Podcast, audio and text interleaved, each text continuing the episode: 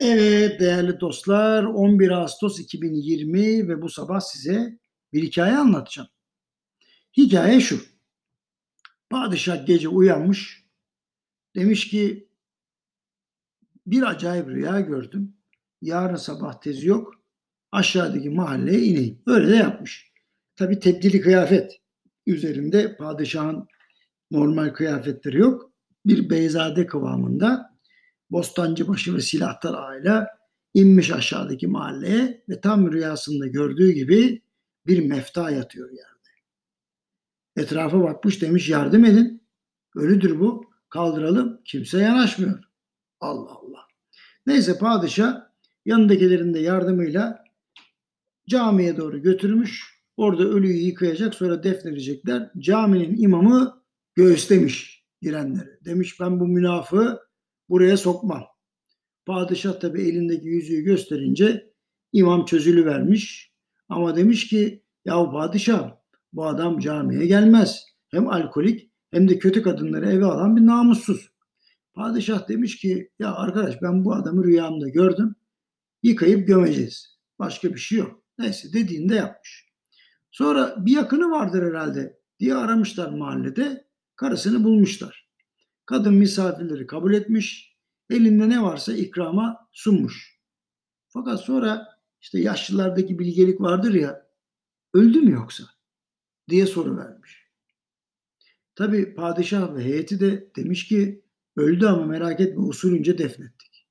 Böyle cümleyi bitirince kadın padişahım diye el öpmek için davranınca padişah demiş ki beni nereden tanıdın ya? Kadın da başlamış anlatmaya. Ah devletlim ah. Çok nasihat ettim ama anlamadı. Mahallenin camisine gitmezdi. Öyle bir imam olacak ki secde ederken başının üzerinden Kabe'yi göreceğim derdi. Uzaklardaki camilere giderdi. Elinde içki şişesi gördü mü birinin cebindeki parayla satın alır, eve gelip helaya dökerdi hepsini. Kötü kadınları yoldan çevirir, evde çay içirir, yiyecek verir, cebindeki parayı da paylaşıp günahtan vazgeçirirdi. Yahu bey seni kimse anlamaz, namazını kimse kılmayacak deyince de her seferinde padişahın işine hanım diye gülerek beni yatıştırırdı demiş. İşte padişah rüyanın sebebini de böyle anlamış. Niye anlattım bunu? Bazen şirketlerde, organizasyonlarda deli gibi çalışanlar olur. Namuslu, dürüst, adaletli. Hatta bazen patronlar, bazen üst düzey yöneticiler de yanlış yaptığında bu kişiler o kadar sahiplenmiştir ki adaleti ve firmayı giderler itiraz ederler. Şimdi itiraz ettikleri zaman bu kişiler yaptıkları doğru işlerden dolayı cezalandırılıyorsa işte o zaman o şirketin, o firmanın, o kurumun çivisi çıkar. Doğru söyleyeni, doğru iş yapanı, doğru davrananı cezalandırmaya başlayan sistemler maalesef sonunda kendi imhalarını ortaya çıkarırlar.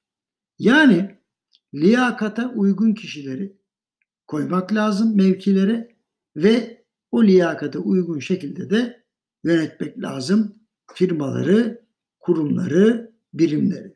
Şimdi e, bir tavsiyem var. Yani öyle bir kurumda çalışın ki iş lideri bir orkestra şefi gibi olsun. Ya da siz öyle olun. Departmanlar arasında bilgi alışverişi kopmasın. Kurum hitap ettiği piyasayı duysun ve görsün.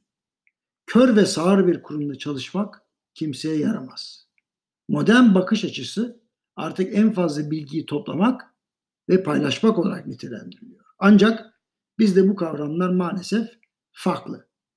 Şimdi bana göre bir zamanlar modern olmayan hiçbir şey ileride klasik olamaz. Teknoloji gelişir. Adetler değişir.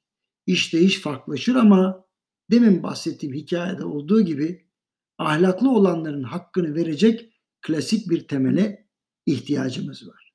Aksi takdirde yapı çöker. Hepinize hoşçakalın diyorum. Yarın buluşmak üzere.